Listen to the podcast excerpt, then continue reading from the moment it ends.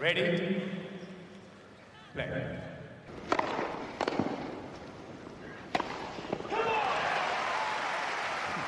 Merhabalar, Inside Out'un 16. programına hoş geldiniz. Wimbledon yarı final programı kaydediyoruz bugün. Ben Gökalp. Ben Anıl. Merhaba. Ee, sıcağı sıcağına bir hemen kayıt dolduralım istedik. Çünkü Djokovic ile Nadal efsane bir maç oynadılar. Ee, ve Djokovic 5. setinde 10'a 8 galip gelerek finale yükseldi. Ee, yarın finale oynayacak. Rakibi de 5. sette 26-24 ile Isner'ı yenen Anderson, Kevin Anderson. Ee, böyle uzun uzun maçlar oynandı yarı finalde. Ama biz bugün Djokovic ile Nadal'ı konuşacağız. Çünkü Anderson'la Isner'ı konuşmak zaten kolay değil. Djokovic ile Nadal'ı biraz daha böyle e, detay, detayına girelim dedik Anıl'la. Ee, başka neler konuşacağız Anıl? Şimdi hemen bir konuştuk. E, bugün tabii ka- kadınlar e, şampiyonluğu maçı da oynandı. Şampiyonluk maçı. Serena'yı da konuşacağız. Aynen Angelique Kerber Serena'yı yendi. 6-3-6-3. Ee, tabii erkekleri konuşurken erkeklerde önceden elenenleri de e, onlara da değineceğiz bir. Deyip lafı uzatmadan Joko Rafa maçıyla başlayalım. Yani e, ben önce çok hafif bir şekilde ikinci oyu, iki oyuncuyu genel olarak değerlendirmek isterim bu turnuvaya, bu noktaya gelene kadar ki geçtikleri yolda. Djokovic daha önceki podcast'te de söylediğim gibi beni çok şaşırtmadı. Nishikori ve Djokovic'ten bu turnuvada patlama bekliyordum. Ve e, oradan alan hakkı oradan giden hakikaten yürüdü. Djokovic oldu. Gerçekten e, mutluyum da yani. Hak ederek aldı bence. Nadal da ilk kura eşleşmesinde bahsettiğimiz gibi öyle bir taraftan geldik yani sadece toprakçılarla oynadı Djoko'ya gelene kadar. Del Potro'ya karşı sallandı ki o da çok güzel maç oldu. Ee, ama burada yine çok muazzam bir maç, başa baş geçen bir maç ve sonunda kazanan Djokovic oldu. Genel olarak buraya gelişlerini böyle değerlendiriyorum ben. Ee, birinci sette hakikaten çok daha kalite anlamında belki olmasa da dominasyon olarak Djokovic kendini çok belli etti. Yani o set tiebreak'e de gitse o setin oynayanı Djokovic'ti ve onun alması gerekirdi hakikaten. Ve hani o noktada bilmiyorum sen ne düşünüyorsun? Ben e, birinci setten sonra dedim ki Djokovic yani Nadal vites yükseltemezse bu maç 3-0 biter dedim. Ama Nadal evet. çok fena vites yükseltti sonra. Çok renklendirdiler maçı. Hakikaten epik denilebilecek bir maç oldu. Aynen bence de yani e, ben açıkçası bu kadar yüksek kaliteli bir maç beklemiyordum. Neden beklemiyordum bilmiyorum. Büyük ihtimalle hani Rafa Del Potro'ya karşı çok e, yoruldu. Djokovic de e, hani bu sene Rafa ile Roma yarı finalinden beri ve onun dışında ben Djokovic'in çok çok yüksek kalitede maçını izlediğimi hatırlamıyorum. Avustralya'da belki Chung'a karşı biraz daha böyle 3 tiebreak'te kaybetmişti ama yani onun için çok süper bir maç beklemiyordum. Djokovic'in seviyesine dair de kestiremiyordum açıkçası. Şey düşündüm hani maçtan önce ne anahtar ne olacak bu iki adam için. Hani e, Djokovic'in ikinci servisini çok merak ediyordum. E, forehand'ini bir de e, psikolojik olarak nasıl şey yapacak? Hani böyle sallamadığı olacak mı? Ya da hani böyle bir senedir falan bir geri gelmeye çalışırken bir şey var ya kopukluk var evet. bir geri gelmeye çalışırken demeyeyim de bu 4 slam arka arkaya kazandıktan sonra bir düşmüştü e, motivasyon anlamında. Ya kendi hani motivasyon nasıl olacak? Yani bu kadar geri dönmenin bu kadar zorunlu olacağını tahmin etmiyordum demişti. Evet, evet aynen öyle. Çünkü hemen ondan önce Federer'le Nadal çat diye döndüler. Büyük ihtimalle o da kendisini öyle mi görüyordu artık bilmiyorum ama. Ya kısaca ben servisini çok merak ediyordum. İlk servisin değil çünkü ilk servisi bence sene boyunca iyiydi. Evet. Ee, bir sakatlık gözükmüyor gibiydi. gösterdi zaten e, maç boyunca. Ve ama ikinci servis de efsaneydi. Yani ilk set Djokovic o kadar iyi oynadı ki ya yani benim gözlemlediğim Nadal sürekli Djokovic'in forentine servis attı. Djokovic sürekli karıştırdı servisi. Hani karıştırdığı zaman Nadal da şey yapamıyor. Yani bir paterne oturtamıyor. 5 ee, şurada şey notunu almışım. 5 üçgen durum. Djokovic ilk servis içeri sokma oranı %78. İlk servisini kazanma oranı 72. ikinci servis kazanma oranı 80. Yani korkunç bir oran. Yani Federer, Isner o tarz Birinci bir oran. setten bahsediyorsun hala değil mi? Aynen aynen bu ilk set. İlk set öyle bitince 6-4 zaten şey e, Hani Nadal, Nadal bir oyunda gözünü kırptı. O oyunda servis kırdırdı. Dediğim gibi ben de şey bekliyordum. Nadal herhalde bir tık daha yükseltirse oyununu ik, ikinci seti Nadal kazanır. Ama o kadar da kolay olmayacak. Çünkü servisini çok iyi atması gerekiyor Nadal'ın.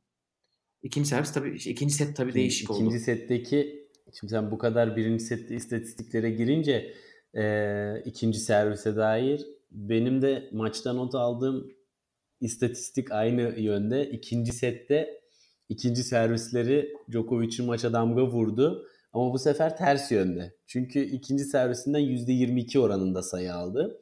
Ve e, burada e, şu oldu. O benim çok dikkatimi çekti. Nadal tabii çok zeki bir tenisçi ve Djokovic'in ilk setteki bu karıştırılan servisine yönelik kendisini bir patern çizdi ve yol çizdi. Dedi ki ben dışa yöneleceğim ve oradan kısa çaprazlı sayıları almaya çalışacağım dedi. Ve bu çok ciddi bir şekilde çalıştı.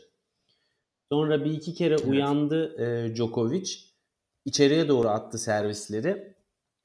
Ancak e, yine de genel olarak ikinci sette Djokovic'in ikinci servisleri bir, bir tık daha fazla kırılmasına sebebiyet verdi ve o setin Nadal'a gitmesine gerçekten yol açan konu ikinci servisi oldu. Ve zaten ikinci, ikinci sette ilk servisinde de özgüveni ilk setteki kadar değildi. Servislerin kalitesi o kadar net değildi ki ilk servisinde de sadece %60'ını aldı sayıların. Yani aslında Djokovic'in servis performansı birinci ve ikinci set arasındaki kilit fark oldu diye düşünüyorum.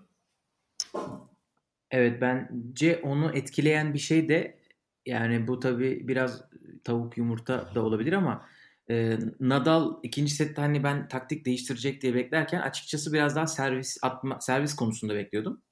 E, serviste çok bir taktik değiştirmedi Nadal. Bence onun için zaten o kadar zor bir set geçirdi. Kırdırdı da e, çok o da kırdırdı kırdı. yani hani kırdırdı. Sadece aynen. Djokovic kırdırdı. Ama return'de çok şey yapmaya çalıştı. Yani return'de aynen öyle. Return'de çok fazla o da değiştirmeye çalıştı. Böyle ilk oyunda chip return yaptığı var mesela. Hiç ilk, ilk sette hiç yapmamışken. Evet.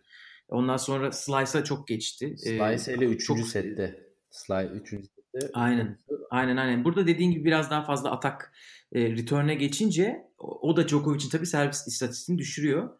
Ama orada tabii Djokovic'in ilk servis yüzdesini biraz yüksek tutması lazım. Çünkü Nadal ilk servise o kadar rahat karşılık vermedi yine bu sette. Yine çok yakın bir setti.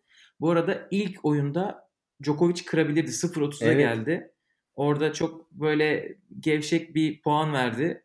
Onu vermese bir set bir break ileri verecekti. Zaten Tabii böyle yani çok çabuk şeyler Birkaç kilit noktada Djokovic'in yaptığı basit hatalar e, gerçekten maçın bu kadar uzamasının önündeki iki kötü de olmadı bence bu kadar uzun böyle keyifli bir maç izlememiz ama temel sebeplerinden birisi oydu. Basit hatalar ve özellikle biraz üçüncü sete doğru geçiyorum ama e, Djokovic'in çok çekingen oynaması ve ben ne yaparsan yap defansta kalacağım. Beni öne çıkaramayacaksın Nadal. Bana ne bana ne dercesine sürekli geri çizgide kalması da setin uzamasına sebebiyet oldu ve az daha kaybediyordu seti bundan bu inadından dolayı. Üçüncü sette. Ee, Djokovic evet. için diyorsun. Üçte. İki mi üç mü? Ha, üç. Yani ikiyi böyle çok çabuk bitirmek gerekirse e, şimdi bakıyorum iki, ben şeyi merak ediyorum. Biraz şey yaptım. şeyi merak ediyordum e, bu mentalitesi nasıl olacak diye. E, çok çok netti yani. Çok bence hırslıydı evet. Djokovic. Çok e, ikinci setin şeyinden not almışım çünkü. E, durum 1-1 iken yani ikinci set 1-1 her şey normal gidiyor. Tabii orada bir 15-30'dan bir, bir şeyi var orada. Kaçırdığı break puanı var. O break puanından sonra böyle bayağı bir bağırdı. Evet. Benim bildiğim kadarıyla sırf arkadaşlarımdan küfretti orada. Hani bu kadar rahat sen yalvar yaldır yaldır küfretmek Djokovic'te biz bayağıdır görmüyorduk. Bence onun için iyi bir şey. Çünkü iki senedir love, peace falan filan kafayı bozmuştu. Fazla sevgi pıtırcı olmuştu Aynen. değil mi? Şimdi gerçek yırtıcı, savaşçı ruhunu daha çok sahaya yansıtıyor. Bu da ben artık geri döndüm, başarmalıyım kararlılığını biraz altını çiziyor. Bir de bence tabii ki Vayda'nın da bunda etkisi. Tabii canım. Şimdi sen o adamla ne kadar şampiyonluk kazanmışsın. Onu göndermenin ne anlamı vardı? Neyse o daha uzun konu da. İkinci seti Djokovic aldı 6-3. Üçüncü set çok dengeliydi. Yani üçüncü sette gerçekten iki tarafa da çok yakın. Zaten tiebreak'e gitti. O tiebreak'i evet. izleyebildin mi? Tiebreak efsaneydi. Tiebreak'i izledim. Tiebreak yani yani biraz e, standart bir tabir olacak ama yürek dayanmaz ya. Yani o kadar heyecanlı, kritik noktalarda evet. yapılan çift hatalar vesaireler böyle her şey inanılmaz yüksek performans ve e, aynı zamanda da gitti denilen puanların gelmesi en uzun rallilerin böyle ardı ardına oynanması yani muazzam keyifliydi ya. Yani hatta şöyle diyebilirim. Hiç tenis oynamamış birine aç o tiebreak'i izle tenise başlayayım der yani. Öyle bir keyifliydi o. evet evet. Ya bu Wimbledon tiebreak'leri artık çok şey olmaya başladı. Efsane olmaya başladı. Wimbledon çok seviyor bu konuyu. Ee, kendi YouTube kanallarında şey var. İşte bu 2008 Federer Nadal. Onun yanına hı hı. işte galiba 2015 Djokovic Federer. O tiebreak'leri sıralıyorlar. Bunu da kesin oraya eklerler o playliste. Muhakkak yani kesin gelmesi lazım ki çok gecenin o saati olması, resmi oynanma saatinin 23'ün geçmiş olması ve uzatılması, kort zaten kapalı, insanlar merakla bekliyor. Yani böyle çok fazla e, ek faktör var. Evet. O yüzden yani işin duygusal boyutu da çok yüksekti. Evet drama yani yoğundu. Saatte, o yorgunlukta çünkü yani bir şeyi hissettik o saatte ki o da biraz güç kayıpları oldu. Yani artık diyorlar ki hadi koparayım, hadi bitireyim bu işi de evimize gidelim, rejenerasyona geçelim diyorlar ama e, yani o konuda ben çok büyük bir dram hissettim ve çok da keyif aldım. Evet evet ya baştan beri vardı o dediğin gibi. Yani düşünsene ben hiç hatırlamıyorum bir maç izlediğimi o akşam bitmeyeceğini bile bile. Yani evet. oyuncular için çok değişik bir durum. Yani çıkıyorsun evet. korta saat 8.30 sen Djokovic'sin ya da Nadal'sın karşındaki Djokovic ya da Nadal. 11'de bitirdiniz bitirdiniz diyorlar. Bitmişi zaten belli. yani şey böyle aslında çok da enteresan oldu. Saat tam 23'te sanırım bir set puanı vardı. Djokovic onu çevirse tam 23'te bitecekti maç dedim. O zaman olsa da bu kadar olur. Aynen. Ama bir 4 dakika 5 dakika uzattı kendisi ve öyle bitirdi seti ki hak etmişti de bence. Yani e, bir tabii ki ikinci güne taktiksel olarak gözden geçirmesi gereken özellikle fileye yaklaşması konusundaki kararlılığını değiştirmesi gerekiyordu. O açıdan maçın yarıda kesilmesi onun, onun için bir avantaj oldu.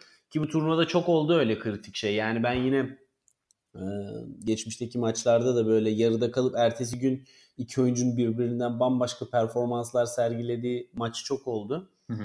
Bu sefer kalite aynen devam etti ikinci gün.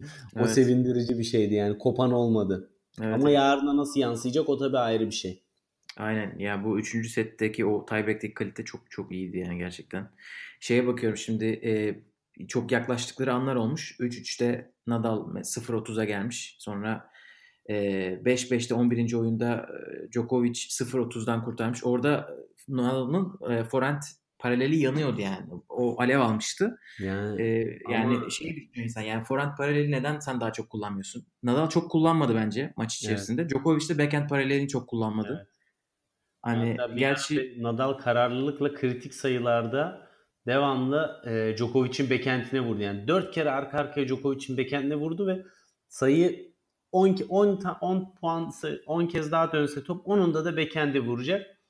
Ama Djokovic inatla bunu buna yönelik bir e, şey yapmadı yani hamle değişikliği yapmadı ki sayıyı kaybetmişti zaten. Evet.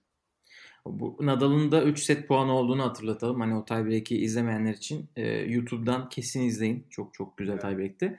Dedik saat gerçekten de 11'i geçti. E, ona çok kısaca bahsedelim. Wimbledon'ın şöyle bir kuralı var. 2009'da çatıyı getirdiklerinden beri e, diyorlar ki çünkü 2009'da çatıyı getirmeden önce böyle böyle bir kurala ihtiyaç yoktu. E, çatı akşam sadece hani şeyden dolayı kapanabiliyor. E, ışıktan dolayı kapanabiliyor. Işıksızlıktan dolayı çatıyı kapatıp o zaman içeri ışık veriyorsunuz. E, ama saat 11'de E, bu arada bunu da anladığım kadarıyla Wimbledon e, işte All England Tennis Club değil. Wimbledon semtinin e, konseyi böyle bir şey şart koşmuş. Saat 11'de maçları bitireceksiniz. Bizim işte e, etrafta yaşayanlar için. Aynen huzurumuzu bizim şey yapmamız için. Bundan dolayı e, 11'de biteceğini biliyorduk. 11'de bitti. Haydi bakalım dediler evlere. E, ertesi gün saat 1'de olacağı tam o sıralarda açıklandı.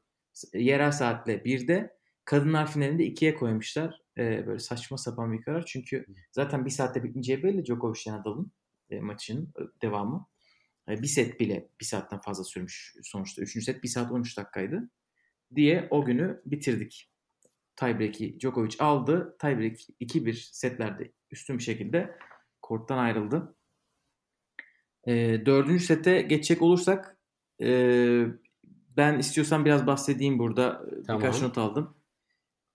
E, dördüncü set hani o şey dedim ya bir saat sürmeyeceği belliydi diye. Dördüncü setin ilk oyunu 16 dakika sürdü. Sadece bir oyun. yani Nadal başladı servise. E, ve orada dediğin gibi şeyi merak ediyorduk. E, taktik değişiklikleri yapacaklar mı? Hani dün de yazıştık akşam. E, ben şey dedim. E, serviste bir şey değiştirmesi lazım Nadal'ın. Çok çok paterni atıyor. Sen de Djokovic'in daha atak oynaması lazım demiştin galiba. Evet. Ee, Biraz fileye gitsin dedim. Yani o kadar çok yaklaşma vuruşu vurup fileye gidecekken geriye kaçması hatta bir sayıda e, geriye kaçtı yine Nadal topu o kadar öne doğru attı ki yani lütfen artık fileye gel diye topu maçla bitirdi yani. %100 olmasa pozisyon onda da gitmeyecekti öne doğru. Evet evet. Ee, ya bu dördüncü setin ilk başı ilk oyun dedim herhalde çok fazla bir şey değişmeyecek. Gerçi bu arada servisi gerçekten şey yap, servise variyete kattı biraz. Ee, forentine hem backhand'ine hem forentine vurmaya başladı Djokovic'in. Bu arada hem forentine hem backhand'ine vuruyor ama Djokovic'in ilk oyunda iki tane return winner'ı var. Hani o kadar zor ki Djokovic'e evet. sürekli güzel servis atmak. Ya Djokovic yani o eski Ahtapot lakabını hak eden esnekliği var ve return kalitesi çok yüksek. Yani zaten maçın evet. bence biraz fark yaratan psikolojik üstünlük kurdurabilen noktası ki Nadal'a psikolojik üstünlük zaten nereye kuruyorsun adam hep her yerden geri dönüyor da mücadeleyi sonuna kadar bırakmıyor. Ama o return kalitesi arada çok büyük bir farklı. Özellikle ilk sette muazzamdı yani. Evet. E, ve hem esneklik açısından hem de e, Djokovic ya yani 5. sette de 4. sette de şeyi çok fazla gösterdi. Belki öncekilerde de yani sezgi çok çok yüksek seviyelerdeydi. Nadal'ın nereye atacağını çok iyi okuyor. Hem evet. serviste hem de Nadal atağa çıktığı zaman mesela forehand inside out vuracak içten dışa. Evet. Djokovic'in forentine doğru. Djokovic o vurmadan önce bir adım sağa atmıştı zaten. Yani o tarz şeyi evet. çok gördük bugün. Evet. Onu ama dün de gördük. Evet evet evet. Yani ben onu şöyle yorumlamışım. Yani hakikaten bu iki oyuncu o kadar çok kez birbirleriyle oynadılar ki e, birbirlerinin evet, hareketlerini, sezgilerini artık hani bilinç altından bir yönelim oluyor. Yani dün de çok fazla böyle sayı oldu. Hatta biri o kadar netti ki o dediğim muhtemelen belki dün aynı sayıdan bahsediyoruz. Nadal'ın inside out'unda Djokovic çoktan oraya gitmişti yani. Kortun evet. bir tarafını boşaltmıştı. Nasıl olsa oraya vuruyor ve o sayıyı da almıştı. Yani e, yanlış hatırlamıyorsam. Hani böyle evet. çok fazla sayı oldu. Evet evet aynen. Ee, yani o ilk oyun çok e, uzun sürdü gerçekten. Çok iyi returnler, güzel servis ama sonunda e, Nadal bir tane servis kırma puanı karşıladı, çevirdi onu ve 16 dakika sonra 1-0 aldı. Ve sonra bir tane efsane forehand down the line. Forehand paralel. Yine atak bir oyun. Yine atak fileye çıktı ve bir tane daha atak yaptı ve, ve çat diye 1-2 dakikada 2-0 aldı, hiç yaptı. Servisi kırdı Djokovic'in. Djokovic'in bu turnuvada Nadal'a karşı daha önceki oyunlarda da böyle gelmişti başına. Ne zaman çok zorlasa yaklaşsa break'e o etkiliyor ve sonrasında kendi oyununa pek bir konsantre olamıyor gibi. Yani yani o bence herkes için geçerli. Break puan kaçırdıktan sonra momentum şey, oluyor. Işte. Ee, Nadal'a karşı o da e, çok fazla son setteydi sanırım hatta. Break şansları yakaladı, alamadı ve ondan sonraki servisine çok şey dinç ve konsantre gelmişti. Yani o, o yüzden Evet. oradan belki ben onu çok dikkatimi çekti hani ikisini karşılaştırdığım Evet evet. Bu burası farklıydı yalnız. Çünkü bu dördüncü setin ikinci oyundan bahsediyorum. Hı hı.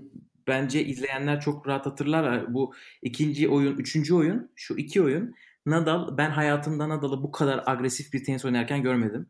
Twitter'da da herkes öyle Hı hı. yazmış. İşte ben e, Nadal'ın böyle tarihi boyunca hiç bu kadar agresif oynadığını hatırlamıyorum diye. Sadece galiba bu iki oyunda 6 defa falan fileye geldi. E, ama şeyi düşünüyorsun yani bu Nadal Nadal'ın sürdürebileceği bir oyun tarzı değil. Çünkü Nadal böyle bir oyuncu değil. Gerçekten de 3 3-0 yaptıktan sonra Nadal bunu yapmaya devam ederken artık olduk olmadık şeylere fileye çıktığı için 3-0'dan sonra birden 3-3 oldu. Djokovic kılını kıpırdatmadan diyebiliriz. Yani tamam Djokovic biraz vites artırdı Nadal'ı gördükten sonra ama Nadal biraz bir sallandı dedi bir dakika ben ne yapıyorum. Sonra biraz geri çekildi. Atağı biraz azalttı ama artık ikinci günde ikisi de çok atak oynadılar. Yani dördüncü set özellikle e, çok şeylerdi yani rallilerde ikisi de ataktı. E, 3-0'dan 3-3'e çevirdi Djokovic ama sonra ben şaşırdım. E, oradan setin 5-3 olmasını beklemiyordum.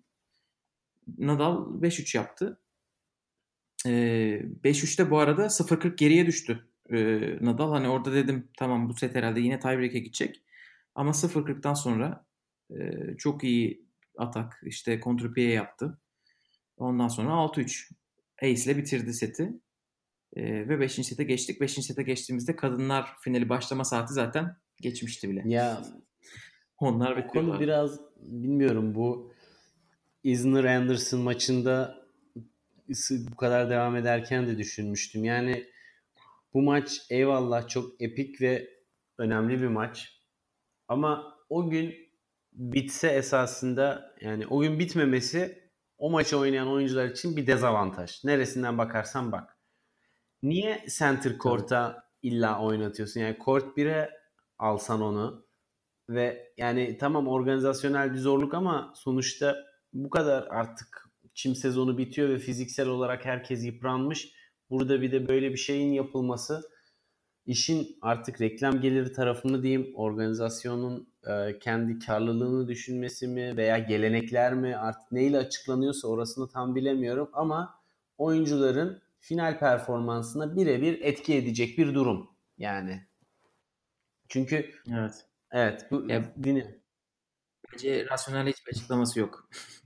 Bu yap, ya- yap- yaptıklarının e, öz- şeyi söyleyeyim özellikle. 5. sette 6-6'dan sonra tiebreak olmamasının yani bence çok bir açıklaması yok ya. Yani e, bugün Anderson'la pardon dün dün akşam Anderson'la. İzmir'e da sormuşlar.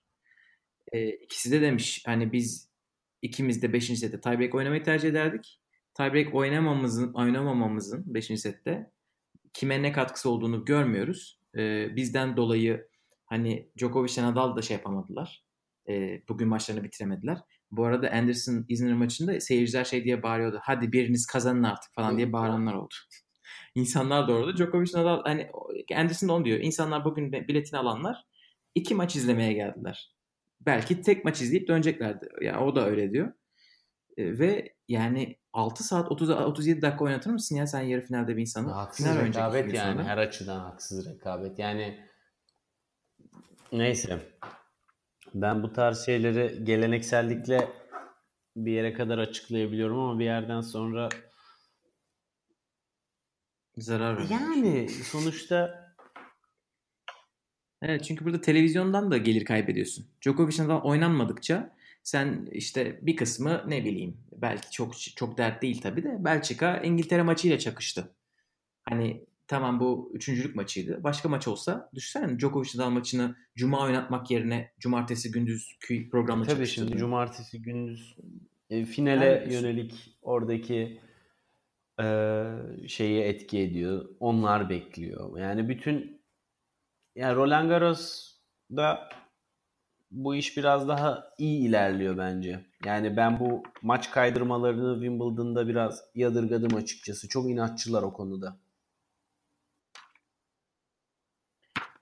Evet. e, Roland Yani Garros bu da buraya göre çok iyi değil de yani. Wimbledon kadar kötüsü yok. Evet, evet Wimbledon kadar kötüsü Evet. yok çünkü kort değiştirmiyorlar. E, saat değiştirmiyorlar. Diyorlar ki işte final 2'de başlayacak. Değiştirmediler kadınlar finalini. E, bir de şimdi çok büyük olay oldu. Çok büyük olay demeyeyim. Avustralya açıktaki kadar konuşulmadı belki ama çatı neden kapalı oynandı ikinci gün. Şimdi ikinci gün geldiler. E, Wimbledon demiş ki organizasyon ilk gün nasıl oynandıysa şartlar aynı şekilde devam etmeli diye günlük güneşlik bir havada çatı kapatıldı. Işıkta oynadılar. Öyle bir şey olmuş. Bu arada de Wimbledon'da diyor ki e, biz oyunculara sorduk. İkisi de çatının açılmasını istemiyorsa aç açmayacağız. Djokovic de istemiyorum demiş tabii ki. Djokovic evet. kapalı kortta daha iyi oynayabilen bir oyuncu olduğu için. Bu arada Djokovic'e basın toplantısında soruyorlar çatı hakkında ne oldu diye. Djokovic Vurdu dedi yani. Wimbledon kararı evet. aldı. Bakalım. Wimbledon kararı aldı dedi adam resmen. Ondan sonra birisi soruyor diyor ki size sormadılar mı? Böyle 5-6 soru sonra. Diyor ki e, bana sordular. Ondan sonra onu niye söylemedin madem başta? İşte diyor sen ne dedin? E, ben kapalı kalmasını istedim. Ha böyle ağzına cımbızla lafı aldılar. Djokovic kapalı kalmasını yani. istediği için kapalı kalmış tabii ki. Aynen diyor. Her soruyu sordukları için. Ama burada tabii ki bence oyunculara falan sorulmaması lazım. Karar verecek olan kişi turnuva. Niye adamlara yakıyorsun suçu? E tabii canım. Yani bence işte herkes biraz ya işte bak bunların hiçbiri esasında bak bunların hepsi kelebek etkisi bak Gökhan. Hepsi, bunların hepsi nereden geliyor? eğer ki eğer ki Federer Anderson'a yenilmese bu Isner Anderson eşleşmesi bu kadar uzun yani e, Isner Federer eşleşmesi bu kadar uzun sürmezdi. Evet. Anderson Federer kadar sürerdi herhalde en fazla. Ve yani ve oradan sonra da bu maçta oyun biterdi.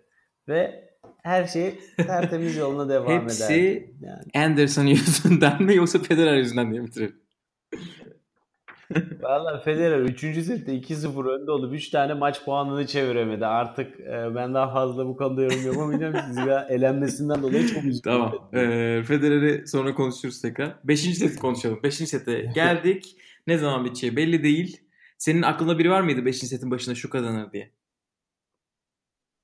Yok ben açıkçası e, şeyden yana biraz e, Nadal'dan yana şanslı görüyordum. Djokovic'in kazanmasını istesem de. Çünkü momentumu iyi yakalamıştı Nadal. Dördüncü seti alması, o günün ilk setini alması psikolojik olarak bir üstünlük. Ve hani onu koparıp götürebilir diye düşündüm. Ama yani e, beşinci sette iki taraf da hani ikinci günün taktiklerini de dördüncü sette ölçtüler, biçtiler. Nadal aldı seti ve beşinci sette yine aynı döngüye geldi. Hani ikisi de birbirini kır, kırdırmadılar evet. yani sonuna kadar. İnanılmaz bir servis performansı. Ve ya. bunun bu, bu, bunun sebebi iki tarafta birbirine analiz edip taktiklerini belirleyip çok net bir şekilde birbirlerini kitlediler. Hani iş gerçekten çok ciddi bir taktik mücadeleye ve satranç maçına döndü bir yerden ve sonra. Ve yani kimse kusura bakmasın herkes Anderson İzmir maçına çok laf atıyor da yani bu setin belki e, ne bileyim işte 12. oyununa kadar servis belirledi yani her şeyi neredeyse. Yani o kadar evet. iyi servis attılar evet. ki ve hani ilk başta sadece servis böyle love game'ler falan oldu. Sonra bir yerden sonra geri geri düşüp sonra ace'lerle kurtardılar.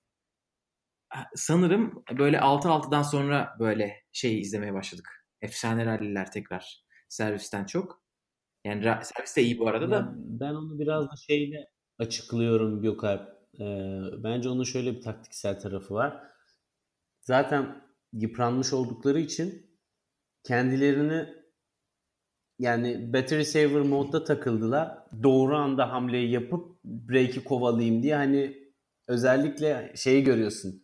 Maç 4-4'e geldikten sonra oyunlarda hafif bir e, tatlı rekabet geldi. Fakat baktılar ha olmayacak iyi hadi Devam edelim böyle sonra. Ama yani be, be, benim izle, izlenimim o yönde hakikaten. Yani biraz e, taktiksel olarak enerjiyi doğru kullanalım. Bu işin finali de var daha. Zaten Yok, dün de yorulduk. yok ya, bence öyle değildir. Bir durum. Ve ya çünkü o kadar iyi servis attılar ki return return yapamadı ve o- servis de sonuçta enerji gerektiriyor. Bence okuyamadılar ve ikisi de şaşırmış olabilir birbirine ne kadar iyi servis attığına.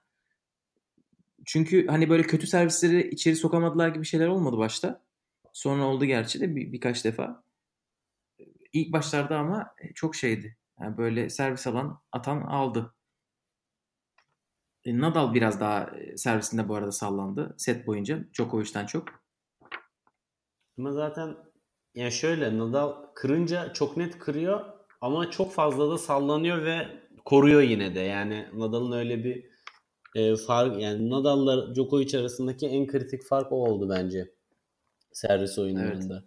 N- Djokovic sallayınca yıkamadı epey bir oyunda ama Nadal salladı mı Evet yıktı. evet. E, Ya 5. set öyle değil tabii de e, yıktı tıkı yıktı Ya, evet, kısmında. Evet. Ama gerçekten Djokovic daha fazla hep şey yaptı. Şimdi bakıyorum e, 15-30'a taşıdığı 4-5 oyun var Djokovic'in. Nadal'ın sadece bir oyun var 15-40 yaptığı. Onun dışında hep şey Djokovic'e yapmış. Ve son oyunda e, yani böyle hatalarla sonra çok efsane bir oyun derken e, sayı derken birden gidiverdi. Maç ama zaten maç o kadar yakın ki toplam sayıyı gördün mü? Aldıkları toplam sayıyı. Aralarında 4 sayı var galiba. Bakıyorum. Bakıyorum. 195 almış Djokovic. 191 almış Nadal. Yani gerçekten Yani çok çok yakınlardı birbirlerine. Nadal'a basın toplantısında şey sormuşlar. E, neyi neyi yanlış yaptığını düşünüyorsun? ve aynı sayıda serviste kırdılar. Yani topa toplama baktığın zaman. Evet. Çünkü Djokovic'in bir kazandığı set tiebreak'ten olduğu için Evet. e, neyi yanlış yaptığını düşünüyorsun? Hani neyi farklı yaparsın bir dahakinde gibi bir şey sormuşlar. Nadal da demiş Hı hı. ben normalde kendimi çok eleştiririm ama ben bu maçta bir şey yanlış yaptığımı düşünmüyorum. Hani Katılıyorum. karşı tarafı tebrik etmekten fa- farklı bir şey ya söyleyeceğim bir şey yok demiş. Bence de öyle yani o kadar yüksek Ya bir sana bir şey söyleyeyim mi? Ee, gerçekten biraz şey gibi oldu. Nadal'ın toprak korttaki sinir bozucu derecedeki üstün savunma kabiliyeti ve hatasız rally- uzun rallileri kazanma durumunu burada Djokovic adeta çimlerin Nadal'ı gibi yaptı. İnanılmaz bir savunma yaptı çünkü. Ve bence bu yüzden de Nadal karşı tarafa yani Djokovic'e karşı e, çok büyük saygı duyuyor. Çünkü kendi gücünü aslında farklı bir zeminde ona karşı e, taktiksel olarak kullandığı gibi bir şey oldu. Evet. Evet evet bence de yani çünkü Nadal eğer atak yapmasaydı atak yapmadım daha fazla yapmalıydım demesi gerekirdi bence ama atak, Evet. atak da yaptı adam. Yani Yaptı serviste yani. çok iyi attı. Ofansif oynayan taraf kesinlikle Nadal'dı ki bu hani çok fazla e, kurduğumuz bir cümlede değil geçmişte. Evet, aynen öyle. Ve bence Nadal da şeyin farkında 2011'den beri burada çeyrek görememişken şu Evet. anda Roland Garros'u kazanmaktan yeni gelip yarı finale çıkmanın zaten çok büyük bir başarı olduğunu farkında. Evet. Şampiyon olmayı isterdi büyük ihtimalle ama E, Kim ne derse desin, uzun uzun toprak sezonu geçirenler Çim'de daha fazla zorlanıyorlar. Yani bu gerçekten kort yani orada uzun çok maç yapan insan fiziksel olarak çok yıpranmış oluyor. Yani o Evet. bir iki hafta zaten quiz'e de katılamadı. Hani Evet. Zaten hiç katılmıyor da hep Roland Garros kazandığı için. ay işte bu sene katılacağım dedi. Katılmadı. Evet evet yok geçen sene de hep hep katılacağım diyor 2-3 senedir. Bence şey diye tutuyor. Hani bir şey olur da Kesinlikle. toprakta bir şey olursa Söderlikten beri bir ne olur ne olmaz. aynen aynen. Ee, yarın final maçına bir çok kısaca bahsedelim mi? Djokovic Anderson. Şimdi bu arada Anderson'ın çok uzun maç oynadığını konuşuyoruz sürekli ama gerçi Djokovic'in iki, iki güne yayıldı. Nadal maçı 5 saat 15 dakika sürmüş. Ne az değil. Tabii. Ee, hani uzun maçlar oynandı. Çeyrekler de uzun sürdü. Yani Wimbledon'dan beklenmedik şekilde uzun maçlar oynandı. Tabii ki geçmişte epey uzun maçlar da var tabii ki. Dünyanın birkaç haftaya Dah- dahil olmak üzere. Veya söyleyeyim bir Ivanisevic Sevicen'in maçını da e, birçok tenis sever hatırlayacaktır. Yani o da efsanevi bir maçtı. Ama Aynen öyle. ortalama olarak bu turnuvada çok ciddi uzun süren ertesi güne sarkan çok fazla maç oldu. O maçların Evet. Şimdi ertesi Djokovic güne sarkması da bütün turnuvanın kaderini etkiledi bence diyebilirim. aynen şimdi yarını etkileyecek zaten. Djokovic Rafa maçı 5 saat 15 dakika sürdü ama onun yarı yarıya diyebiliriz cuma akşamı ve cumartesi olmak üzere. Ki cuma maçtan bir önceki gün oynamak da tabii ki bu arada bir dezavantaj. Anderson cuma akşam cuma günü diyeyim akşam demeyeyim. Sabahtan başlamak üzere 7 saat oynadı. Sence nasıl etkiler? Djokovic favori diyor musun yoksa o kadar da değil mi diyorsun? Ne diyorsun? Ya şimdi şunu düşünüyorum. Her ne kadar Djokovic bugün oynamış olsa da yani bir seferde o kadar uzun bir maçı oynamış olmak daha fazla yıpratır diye düşünüyorum. Yani bu durum iki tarafa da dezavantaj sağladı ama Anderson gibi iri bir cüsseye sahip birinin e, kendisini fiziksel olarak toparlayabilmesi o kadar yorucu bir maçtan sonra daha uzun sürmüş sürer diye tahmin ediyorum. Djokovic Ee, biliyorsun var mı? sadece kası var yağ olmadığı için adam hani vücutta rejenere edilecek çok fazla şey kalmadı.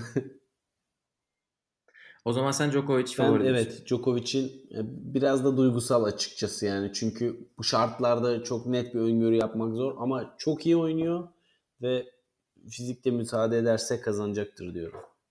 Çünkü return'ü çok iyi. Yani e, o Anderson'ı yeneceksen return'le fark yaratıp yeneceksin sonuçta. Evet. E, Ben şeyi merak ediyorum. Yani gerçekten Kevin Anderson nasıl olacak yarın? E, fiziki fizik nasıl olacak? Servisleri nasıl olacak? E, çünkü Isner bugün basın toplantısında diyor ki adam yine bugün değil pardon dün akşam e, e, nasıl hissediyorsunuz şu anda diyor ilk soru. Adam diyor ki çok kötüyüm. Sol topuğuma basamıyorum. Sağ ayağımın altı yara olmuş. Yaraya bak baktırdım öyle geldim. Şimdi Kevin Anderson bunu sırf hani rakibi cesaretlenmesin diye kendisi de yaşayıp söylemiyorsa o zaman Öyle bir tarzı yok ama o adamın yani. Evet evet çok her- çok açık konuşmuş gerçi de. Hani yani bir taraf böyleyken Kevin Anderson ne kadar daha iyi durumda onu merak ediyorum. Ama iyi durumdaysa bence sırf şeyden dolayı şimdi bu turnuva Federer'i yendi bu adam. Djokovic'i burada az kalsın yeniyordu. Kıl payı kaçırdı 2 sene önce. Pardon 3 sene önce. 2-0'dan verdi maçını. Bir de ilk Grand Slam finali değil artık. İlk Grand Slam finalinde sırf Bu seviyeleri hissetti tattı yani. Aynen kendisi söylemiş. Finali finale çıktıktan sonra Amerika'da hani benim için zaten o öngörülemeyen bir başarıydı. Onun için o maçı çok motive değildim ben gibi bir şey diyor. Sanırım 1921'den beri Wimbledon finaline çıkan ilk Güney Af- Ameri- Afrikalı e, tenisçi olmuş. Belki o da şey katkısı olur ama hani bence eğer şey yoksa fiziki anlamda çok bir dezavantajı yoksa Djokovic'e ki Djokovic'in de biraz şey olacak sonuçta yorgunluğu olacak. Evet. Bence bir şeyler olabilir. En azından bir 5 sete gitme ihtimali var ama eğer tabii ayağı Evet, yaraysa evet. falan filan Anderson mı Djokovic mi? Bak ben Djokovic dedim. Ha ben yok o kadar net değil bence ya. Ya çünkü ben Anderson'a inanıyorum. Peki ne hissediyorsun? Ya evet tabii ki An- Anderson hiçbir zaman hafife alınacak vesaire bir adam değil.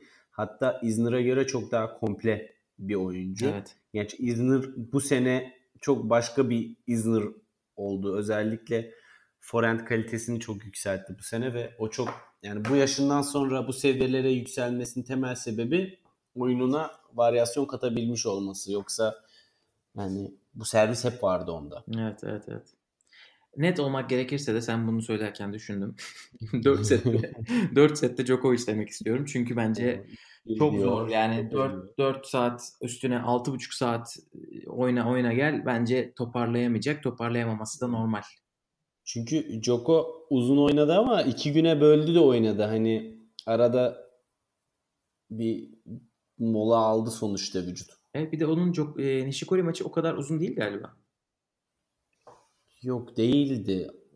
İyi geçti maç ama çok uzun değildi. Bir Yani. Kevin Anderson şey kadar değil. E, Federer maçı kadar değil. Hemen bakalım. İki buçuk saat. Hiçbir Hı. şey. Bu maçlara kıyasla. Evet. İki buçuk saatte bitmiş. Yani Ee, Nishikori'nin adı geçmişken onunla alakalı, Federer'le alakalı bir şeyler söylemek ister misin? Ee, ya şöyle evet, güzel bir noktaya geldim. Bence bu turnuvanın kazananları kadar kaybedenleri de önemli. Çünkü hani Nishikori'nin ben yine burada iyi bir noktaya gelmesini umuyordum ki hakikaten Djokovic'e kadar çok güzel maçlar oynayıp geldi ve kazanarak geldi tabii ki. Ee, Djokovic'e karşı kaybetse de bence kendisi tekrardan ilk onun içerisinde her turnuvada dördüncü turu, çeyrek finali görecek kapasiteye geri geldi, toparladı ve bu çok mutluluk verici bir şey. Hakikaten özlemiştik bunları. Bir taraftan Del Potro heyecanı, bir taraftan Nishikori'nin geri gelmesi, Djokovic, Federer bakalım. Ee, ona da şimdi gelirim. Murray'i bekliyoruz. Ama e, bunları gerçekten çok özledik. Resmen hafif bir nostalji gibi oluyor. Ama aşağıdan zorlaması gerekenler tıkanıyor. Şimdi Nishikori ne yaptı? E, kimler gitti öncesinde? Kyrgios gitti mesela. Evet, Nishikori çok önemli adamları yani. E, Tehlikeli olabilecek. Turnuvada insanların iş yapar dediği birçok ismi Nishikori hiç gözünün yaşına bakmadan eledi bu turnuvada. Gulbis, Kyrgios, Tomic. Hepsi şey tehlikeli ya, adamlar. Gulbis e, şeyi Zverev'i harcadı resmen ve Nishikori onu da harcadı. Kyrgios'u geçti. Yükselen eski yıldızlardan Tomic'i eledi. İlk turda set vermesi Harrison'a biraz şaşırttı ama e, çok çok da dağılmayayım konuda ama yine de işte demek istediğim Nishikori ilk ona tekrar yavaş yavaş geliyor ve bu güzel olacak. Zverev yine şaşırtmadı ve bir Grand Slam'de daha erkenden veda etti. Ee, Taylor Fritz keşke gelseydi onun yerine. Belki bakalım o ne yapardı diye görmek istiyordum. Federer söyle konuş biraz. Federer'le ilgili ne düşünüyorsun?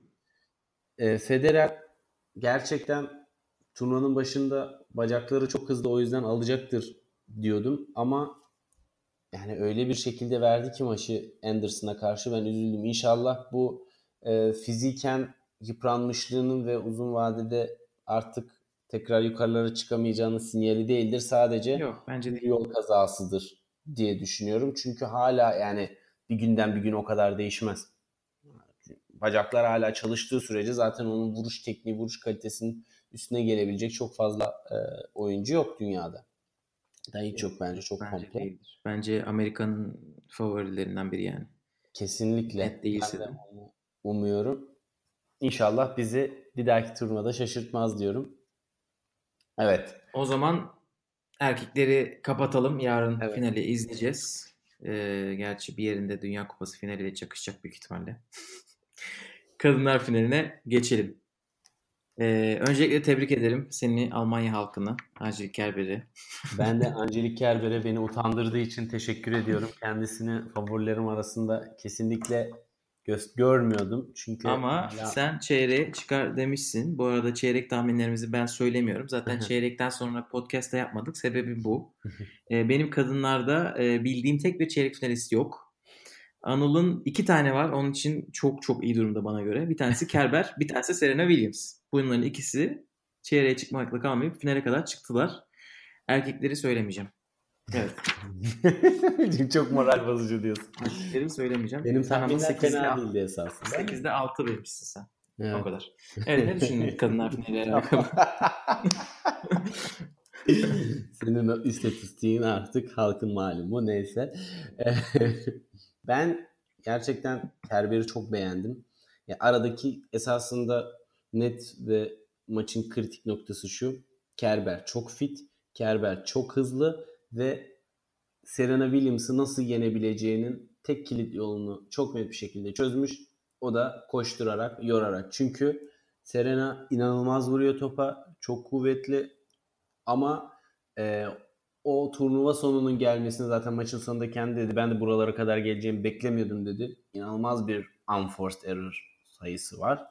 Ve hani bunun temel sebebi de Kerber'in uzun savunmalar evet. sonucunda artık e, Serena Williams'ın sayıların yani özellikle maç sonuna doğru yaptığı basit hataların yani unforced'un unforced'u hatalar gelmeye başladı. Yordu Kerber ve e, disiplini hiç kaybetmedi. Çok konsantre, çok kararlıydı ve her topun peşinden evet. koştu. E, gözlerinden de okunuyordu zaten. Alacağım ben bunu dedi. Zaten çocukluk hayaliydi. Hani ilk kazandığı Grand Slam olmadığı halde e, Amerika ve Avustralya'dan çok çok daha derin bir ön, e, önemi var bu turnuvanın. Wimbledon'ın Wimbledon özelinde çok anlamı var. Dolayısıyla e, konsantrasyonunu bir saniye bile bozmadı ve gerçekten bu seviyelere tekrar çıkmış olmasına ben çok sevindim. Hak etti. Sonuna kadar ben hak etti. Sevindim. Yani bu maçın tek hak edeni vardı. O da Kerber'di. Zaten 6-3 6-3 çok net bir skor yani. Serena Williams'a karşı. Bir, bir önceki turda Julia evet. Görges'i eledi. Julia Görges de çok iyi geliyordu ama Serena gerçekten bir duvar gibi orada. Ki önceki turlarda da herkesi harcadı. Hızlı kortun avantajını evet, çok net kullandı. Önceki turlarda basit hata sayısı o kadar düşük ki evet. sanki böyle atak yapmayan bir oyuncuymuş gibi gözüküyor istatistiklerden. Evet. Özellikle çeyrek dördüncü tur maçları e, ya bu Camila Giorgi ile oynadığı ilk seti kaybettikten sonraki oyunu bir de dördüncü turda gerçi benim söyleyeceğim laf da biraz öyleydi. Yani bence Serena kendi Kerber'e kendisine hazırlayacak e, rakiplerle oynayamadı. Kurası çok çok iyiydi. Hani çok, şey demeyeyim de yani Georgie ile Görges çimde çok iyi oyuncular. Ama e, Georgie'nin Wimbledon dördüncü tur dışında ne başarısı var? Bak e, turnuvada kim varsa Kerber eledi. E, Ostapenko'yu eledi. Ostapenko evet, çok Ostapenko iyi oynuyordu. Çok Ondan önce Kasatkina'yı eledi. Ben Kasatkina'ya fırsat vermiyordum. Kasatkina hayatının çim tenisini oynadı. Ondan önce Belinda Bencic eledi. Ondan önce Naomi Osaka'yı. Osaka ondan önce çok önemli 2016 bir galibiyetti. Evet o büyük galibiyet. Tabii ya 2016 Gençler Şampiyonluğu eledi ondan önce. Yani turnuvada gerçekten adı geçebilecek ve yükselebilecek kim varsa Kerber'in yoluna düşmüş. Bakıyorum onun dışında çok da biri yok. Ee, belki Kiki Bertens şey yapabilirdi Serena'ya. Biraz zorluk çıkartabilirdi. Çünkü Bertens Venüs eledi. Yani çok da bir, biri de yoktu dediğin gibi. Yani Serena'nın gücü altında ezilmeyeceksen bunun tek yolu kondisyon. Ve Kerber yani Djokovic var bir savunma yaptı diyeceğim neredeyse. E, inanılmaz her yere koştu. Ve e, zaten sonlara doğru iyice... Evet, Kerber'in vuruşları çok değişik. Şeyde... Bence herkeste olmayan bir şey. Onun için ona hazırlanmak da zordur. Yani ne spin var topta ne top sert geliyor.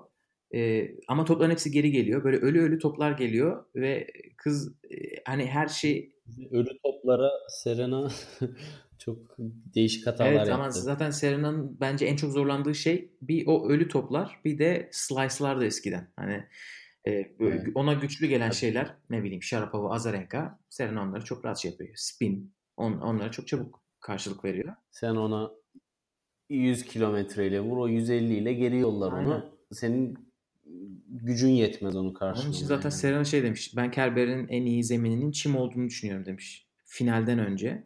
Ben şaşırmıştım. Sonra düşünüyorsun gerçekten de yani o kadar hani spin olmayan bir top gerçekten çimde kalkması da daha zor. Mantıklı. Evet. Gerçekten de zorlandı. Ama bence çok maç eksiği var. Özellikle ikinci hafta. Evet evet. Yani çok çok maç eksiği var. Yani bu 14. maçıymış daha.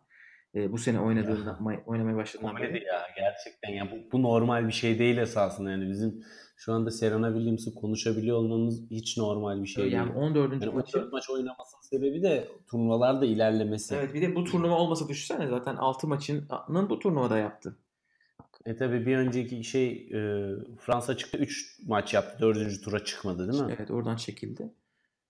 9 e, maç zaten o iki turnuva. Evet evet. E, bir ne kaldı iki kere. Yani bu sene bence Amerika'yı kazanmayabilir. Ama Amerika'yı kazanma konusunda hala Serena'dan bahsediyorsak gerçekten inanılmaz. Ama seneye... İki ay var daha toparlar bence. Seneye yine silip süpürebilir. Seneye kesin Grand Slam var. O, o çok net gözüktü. Yani kadınlar tenisinde bir konuda bu kadar net konuşabiliyor olmak da ayrı bir şaşırtıcılık değil mi yani? Yani Serena olunca konuşabiliyorsun. Evet. Büyük ihtimalle Justine olsaydı hani o kadar. Ya Venüs bile bak 38 yaşında Venüs bile e, az daha çıkıyordu dördüncü tur çeyrek yani oradan sonra biraz evet. daha ilerleyebilirdi. 38 yaşında hakikaten yani. Öyle. Kaç sene önce iki kardeşi finalde karşılıklı izliyordu. İnsanlar artık şey diyordu. E, Harlem'de evlerinin arka bahçesinde tenis oynarken şimdi aynı işi Wimbledon'da yapıyorlar. Evet evet çok büyük iş. Ee, bir tane daha e, büyük iş bizim için çok büyük bir işi konuşup Muazzam çok kısaca iş. Muazzam. kapatalım yavaştan. Yankı çiftlerde Wimbledon'da finale yükseldi. Aman nazarımız değmesin. İnşallah şampiyonluğu da alır. Ee, yani maçlara bakınca zaten seri başı değiller. Ve ilk turda şimdi Yankı özelinde konuşmak gerekirse Roland Garros'da bir tur atlay atladı. Burada atlayamadı teklerde. Ama yolu zaten açık değildi asasında. Yani bir turu atlasa da sonraki turda bir numarayla oynayacaktı. Hani biraz şanssız bir kurası oldu diyebiliriz ama çiftlerde e, çok güzel ilerledi. İlk turda 8 numaralı seri başını eledi. Sonra çeyrekte 3 numarayı elediler. Yarın 6 numaraya karşı oynayacaklar. Hani isimleri tanımıyoruz o yüzden yorum yapmak zor ama Yankı'nın e, bu başarısı inşallah e, devam eder. Ergi artık ana şey e, ATP ATP oynamaya ve büyükler oynamaya başladığı için junior oynamadığı için artık takip edebileceğimiz junior e, heyecanını bize yaşatan tek tenisçi erkeklerde şu anda Yankı. Aynen öyle. E, bu arada da çeyrekte sanırım. Çeyrekte de 3 numarayı elemişler. Evet. E, bugün oynadıkları e, çocuklar da İngiliz oldukları için ben dedim hani şimdi destek de oluyor evet. İngiliz oldukları için dedim orada bir şey var mı ama gerçekten helal olsun. Bu arada o Fransa podcastinde konuşmuştuk. O ben Yankı'yı izlediğim zaman hani evet. çime oyunun ne kadar uygun olduğunu, ne kadar atak olduğunu doğru görmüşsün. E, yani zaten hani orada Mert abi de vardı. Mert Artunga da söylemişti. Hani bu, bu, bu servisle bir de solak e, bir de o, o, o tarzla Wimbledon'da inşallah bir şeyler yapar diyorduk. Teklerde ben görünce şaşırdım biraz ama demek ki varmış e, çiftlerde bir Türk bayrağı gözüküyor şu anda e, kurada. Yani bu sıradan bir şey değil hani e, çiftlerde olsa küçümsenecek bir başarı katiyetle değil. Çünkü özellikle puan anlamında değil mi? Çiftlerin Tabii. de onu çok Tabii. ileriye taşıyacağını sıralamada. Tabii çünkü gençlerde tekler çiftler tek sıralama var ve puanlar toplanıyor. Onun için buradan alacağı puanlar onu genel gençler klasmanında yükseklere taşıyacak. Zaten bu sene son senesi ama bu Amerika için e, ona belki bir seri başı bile getirebilir. Seri başlık getirir, sponsorluk getirir, destek getirir. Aynen öyle. Evet kapatalım mı yavaştan? Tamam. Ee, bu sefer kısa yapacağımız dediğimiz podcast'i yine 52 dakika konuşarak tenise doyduk. ee, yarın erkekler finali Djokovic Anderson. Djokovic dedik. Benim gönlümden Anderson geçiyor. Diyelim ve de e, kapatalım. Biz dinlediğiniz için teşekkürler efendim. Teşekkür Bir sonraki podcast'te görüşmek, görüşmek üzere. Bay bay. Hoşçakalın.